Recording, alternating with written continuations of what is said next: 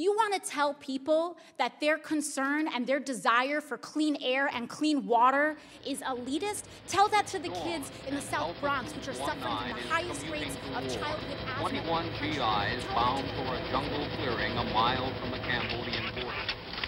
Okay. Okay, would you roll in? Uh... I'm coming from Finland and I came here to protest against the oil drilling in Arctic We don't area. make a deal with Congress, the border is going to be closed. 100%. Strategiskolan med Roger. Kolahalvön, lektion 30. Trots sin stora landmassa och det faktum att Ryssland har hamnar i alla fyra väderstreck är antalet hamnar relativt litet. De ryska hamnarnas användbarhet är dessutom ofta begränsad på grund av såväl klimatologiska förhållanden som av de långa transportavstånden. I norr är det endast de större hamnarna i Murmansk och Arkhangelsk som har internationell status. Och av dessa är det enbart Murmansk på Kolahalvön längst i norr som kan hantera regelbunden trafik året runt. Vid Arkangelskområdet i viken söder om Kolahalvön så bildas det vintertid en tjock ogenomtränglig is. Ett statistiskt antagande är att den ryska omsättningen för hamnarna i Östersjön och i Svarta havet var för sig är fyra gånger så stor som den för hamnarna i Murmansk och Arkangelsk i Barents hav. Militär på Kolahalvön. Följande information är från 2015 och den ger en bild av Rysslands betydelse för utvecklingen i Barentsregionen. Det här är baser som planeras och eller fanns 2015. Alakurti-flygbasen med marininfanteristerna. Den nydeployerade 80 oberoende motoriserade skytteinfanteribrigaden. En av Rysslands två arktiska brigader vid Alakurti. Den andra nydeployerade brigaden, Arktiska 200 oberoende mekaniserade infanteribrigaden, ligger i Pechenga, tidigare finska Petsamo intill Norge. 13 flygbaser och 10 luftförsvarsradarstationer har konstruerats eller skulle byggas vid Rysslands arktiska kust enligt PISM, Polish Institute of International Affairs. De har också en luftvärnsdivision, ett kustrobotförsvar och ett robotregemente. Åtminstone skulle de byggas på Kolahalvön enligt 2015 års planer. En deployerad S-500 Triumf på Kolahalvön har täckning mot den svenska flygbasen Kallax i Luleå om systemet är deployerat nära den finska gränsen. Men det är inte optimalt att försöka skjuta ner lastflygplan som närmar sig Kallax med S-500-systemet i Ryssland. Om du flyger under en viss altitud medan du kommer in för landning vid Kallax kommer de ryska radarsystemen att misslyckas med att upptäcka dig eftersom du flyger i radarskugga. Vi talar om en altitud under 9000 meter. Så det är inte realistiskt att tro att en S-500 kan göra jobbet eftersom lastflygplanet under alla omständigheter kommer in för landning under en höjd av 9000 meter, alltså under radarns horisont. Både 400 km-varianten för S-400 och 600 km-varianten av S-500 är optimerade för nedskjutning av ballistiska robotar, inte för att skjuta ner flygplan. Av dessa skäl. Det finns andra S-400-varianter med kortare räckvidd för att skjuta ned en fiendes attackflygplan. Robotsystem för luftvärn används, eller bör bäst användas, i defensivt ändamål. Det är inte ett offensivt vapen.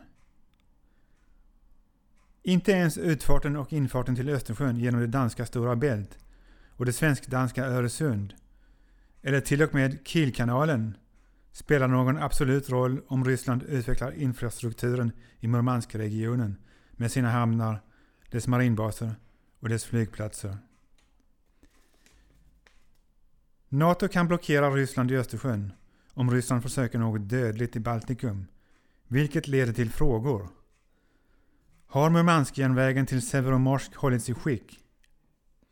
Har Severomorsks hamn byggts ut? Har flygplatsen i Murmansk utvecklats? Och så vidare. Åtgärderna talar för sig själva. Enligt det polska institutet för internationella frågor, PISM, kommer 16 djuphavshamnar att byggas vid Rysslands arktiska kust. Naturligtvis kommer NATO troligen inte att blockera Ryssland i Östersjön eftersom många NATO-länder är beroende av rysk energi. Nederländerna med sin hamn i Rotterdam är en europeisk knutpunkt för energi. Då återstår sanktioner. Men hur effektiva skulle de vara? Således skulle det endast finnas en lösning vid ett ryskt angrepp på Baltikum. Krig. Vad tror du? Tror du att de största implikationerna med en förbikoppling av Östersjöregionen kommer att vara militära och ekonomiskt tvingande i Barents och eller i Östersjöregionen? Eller tror du att implikationerna blir bara ekonomiska? Och mina källor är PISM, Polish Institute of International Affairs från 2015 och FOI-publikationen Ett skepp kommer lastat av Thomas Malmlöf och Johan Teipar, publicerad 2013. Tack! Strategiskolan med Roger. Lektion 31 Krig i Europa Ukraina versus vem? Den här lektionen ser tillbaka mot 2014, men kriget pågår än idag. Det sägs att den ryska annekteringen av den ukrainska Krimhalvön och den illegala krigföringen i Donbass handlar om att Ryssland inte vill se Exxon och Shell utvinna gasförekomster i västra Ukraina eftersom Ryssland då skulle förlora sin huvudsakliga inkomstkälla, att sälja gas till EU, framförallt till Tyskland. Men annekteringen av Krim bryter uttryckligen mot Budapestdeklarationen. Krim är inte en del av Ryssland. 1991 hade man en folkomröstning om att tillhöra Ukraina. Och 1994 skrev Ryssland på Budapestavtalet om att för all framtid respektera Ukrainas gränser. Krim utropade sig i mars 2014 självständigt från Ukraina och ansökte om att ansluta sig till Ryssland. Den ryska militären mobiliserade på den ryska sidan av gränsen. Vid Ukrainas östliga gräns uppbådades vid tidpunkten 60 000 ryska soldater och på Krim 20 000. Ukrainas parlament beslöt sig för att mobilisera 40 000 reservister som en reaktion på att Krim sagt att man skulle ta över de ukrainska baserna. När alla röster hade räknats efter den följande folkomröstningen på Krim hade 97 procent röstat för att halvön skulle brytas loss från Ukraina och anslutas till Ryssland. Röstdeltagandet angavs till mer än 80 procent. Antalet etniska ryssar på Krim utgjorde 60 procent av befolkningen 2014. 25 procent var ukrainare och 12 procent var krimtartarer. Övriga etniciteter ej namngivna. Krimtartarer är generellt sett ryssfientliga sedan Stalintidens deportationer. Om alla som inte röstade var ukrainare och tatarer och alla ukrainare och tatarer som röstade röstade för att Krim skulle separeras från Ukraina och alla etniska ryssar dessutom röstade för en separation så skulle valresultatet stämma med några procents felmarginal. Varken Ukraina, EU eller USA erkände resultatet. Krims ledning påbörjade genast en nationalisering av ukrainsk egendom genom att ta över banker, företag, järnvägen och ett energibolag. EU införde reseförbud och frysta konton utomlands för vissa ryska ledare och ledare på Krim. Det utmärkande draget för det här kriget heter rysk desinformation och ännu mer desinformation. Det är inte lätt för en medborgare att se igenom den ryska desinformationen så tillvida man inte råkar bo i Ukraina. Att desinformera betyder att förvränga, dölja eller helt uppdikta information i syfte att vilseleda och påverka en målgrupp i viss riktning. Desinformation skapar vad som brukar kallas för the fog of war, krigets dimma. Men man kan titta på en karta för att jämföra med nyhetsflödet och fastställa att striderna har varit som mest intensiva runt de relativt stora flygplatserna i Donetsk och Luhansk, som nu är sönderbombade. I Donbass finns nästan 20 procent av de ukrainska städerna. Dessutom har separatisterna en korridor till Ryssland i öster.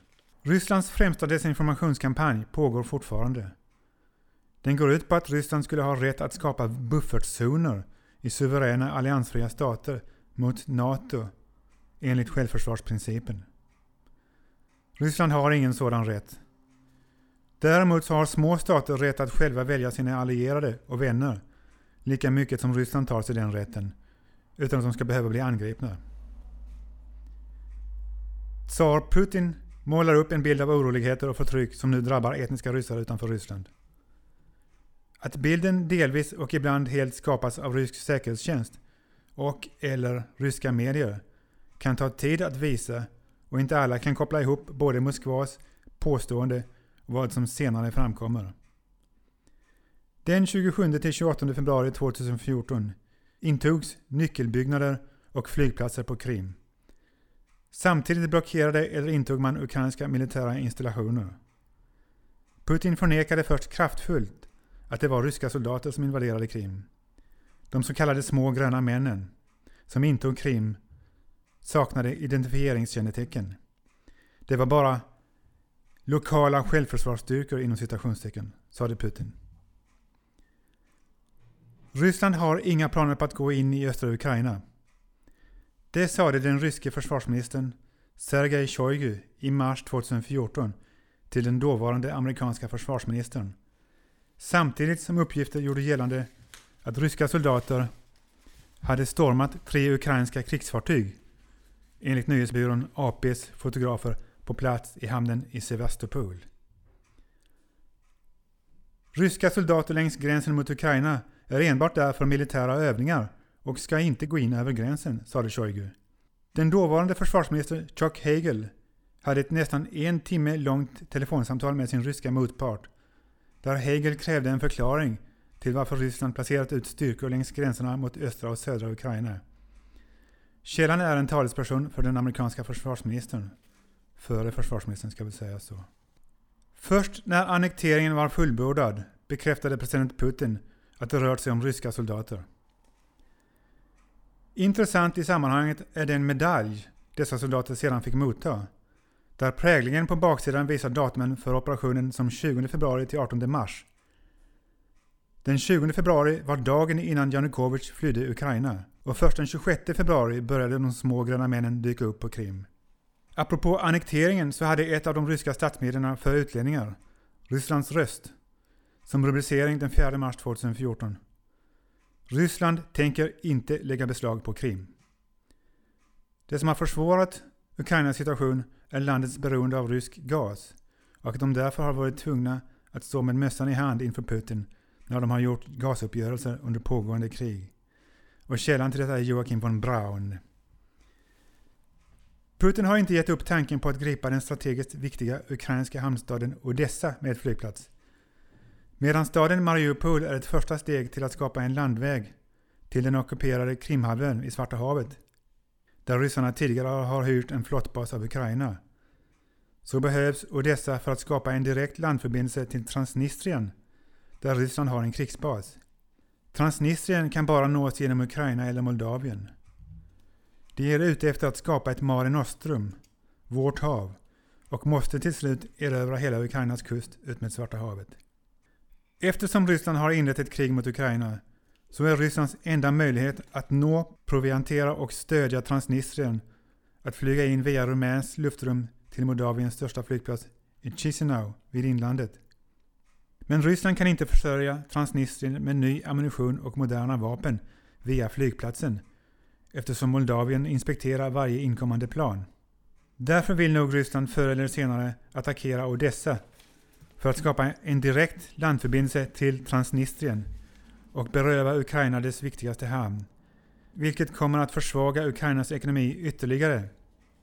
Under året 2014 infiltrerade ryska agenter upprepade gånger Odessa från Transnistrien och placerat ut bomber på kontor och företagsadresser för det pro-ukrainska civilsamhällets organisationer. Och källan till det är Euromaidan Press. Euromaidan Euromaidan var en folklig missnöjesyttring som under mer än 100 dagar 2013 till 2014 tog plats på självständighetstorget i Kiev mot regimen Ytterst presidenten i Ukraina. Den ukrainske presidenten Viktor Yanukovych smet den 21 februari efter dödsskjutningarna iväg ur Euromaidans grepp och dök sedan upp i den ryska staden Rostov vid dawn. Där han höll en presskonferens och hävdade att han var Ukrainas legitime president och att oppositionen genomfört en statskupp. Även de parlamentsmedlemmar som Janukovychs eget regionernas parti inte hade flytt landet, fullstoppade med kontanter, guld och antikviteter, röstade för att avsätta Janukovych i det ukrainska parlamentet, Rada, som avsatte Janukovic med 82 procents majoritet. Genom att fly så hade han också avsagt sig sitt presidentskap. Den ryssvänlige Janukovic försköts av sitt folk på grund av att han valde en rysk inriktning och försköt EU. Han var ökänd för att fängsla höga oppositionella som Julia Tymosjenko, den tidigare presidenten i Ukraina, och en del av hennes entourage. Anledningen? Julia gjorde en dålig gasenergiaffär med Ryssland. Samma Ryssland som Janukovych själv favoriserade. Tack. Strategiskolan med Roger. Lektion 32 Kosovouppdraget vs Krim Ryssland hävdar att samväldets Kosovouppdrag på 90-talet var identiskt med Rysslands övertagande av Krim. Men Kosovomissionen genomfördes först efter ihärdiga diskussioner som involverade hela samväldet och handlade om en långt gången och långvarig kris som fick FNs säkerhetsråd att uppfatta Kosovo-konflikten som ett hot mot den internationella freden och säkerheten. På Krim däremot fanns det ingen förutvarande kris. Det förekom inga försök att diskutera situationen med den ukrainska regeringen och FN var inte inkopplat. Och till sist så gjordes inga försök till medling. I Kosovo tog internationella försök för att finna en lösning över 3000 dagar. På Krim annekterade Ryssland delar av Ukrainas territorium på mindre än 30 dagar. Ryssland har försökt att rättfärdiga sin illegala och illegitima annektering delvis genom att peka på det referendum som ägde rum på Krim. Men referendumet var oförenligt med ukrainsk lag och hölls under illegal ockupationsmakt utan yttrandefrihet eller mediatillgång för oppositionen och utan trovärdig internationell övervakning av valet. Ryssland hävdar att den ukrainska regeringen är illegitim. Ukrainas president Poroshenko valdes med en klar röstmajoritet i ett val som valövervakarorganisationen OSCE karaktäriserade så här. Citat. Tydlig beslutsamhet hos myndigheten att hålla vad som var ett allmänt referendum på det stora hela i linje med internationella åtaganden och med respekt för fundamentala rättigheter. Slutcitat. De enda områden som det rapporterades allvarliga restriktioner inom var sådana som kontrollerades av separatisterna som undertog sig citat utökade försök att få processen att spåra ur. Slutcitat. Officiella ryska myndighetspersoner fortsätter att påstå att det ukrainska parlamentet och regeringen domineras av nazister och fascister. Men i parlamentsvalet så fick de partier som Ryssland stämplar som fascistiska långt under 5 procent av de röster som krävdes för att dessa partier skulle kunna ta plats i parlamentet. Väljarna i Ukraina röstade för enhet och moderation, inte separatism eller extremism. Och sammansättningen av parlamentsledamöterna reflekterade. I korta drag, presidenten och parlamentet är legitima medan separatisternas agerande inte var det. Citat NATO. Tack. You want to tell people that their concern and their desire for clean air and clean water is elitist? Tell that to the kids in the South Bronx, which are suffering from the highest rates of childhood asthma. 21 GIs bound for a jungle clearing a mile from the Cambodian border. Okay. Okay, would you roll in? Uh, See, I'm, I'm coming from Finland and I came here to protest against the oil drilling in Arctic We don't area. make a deal with Congress, the border is going to be closed. 100%. Strategiskolan med Roger.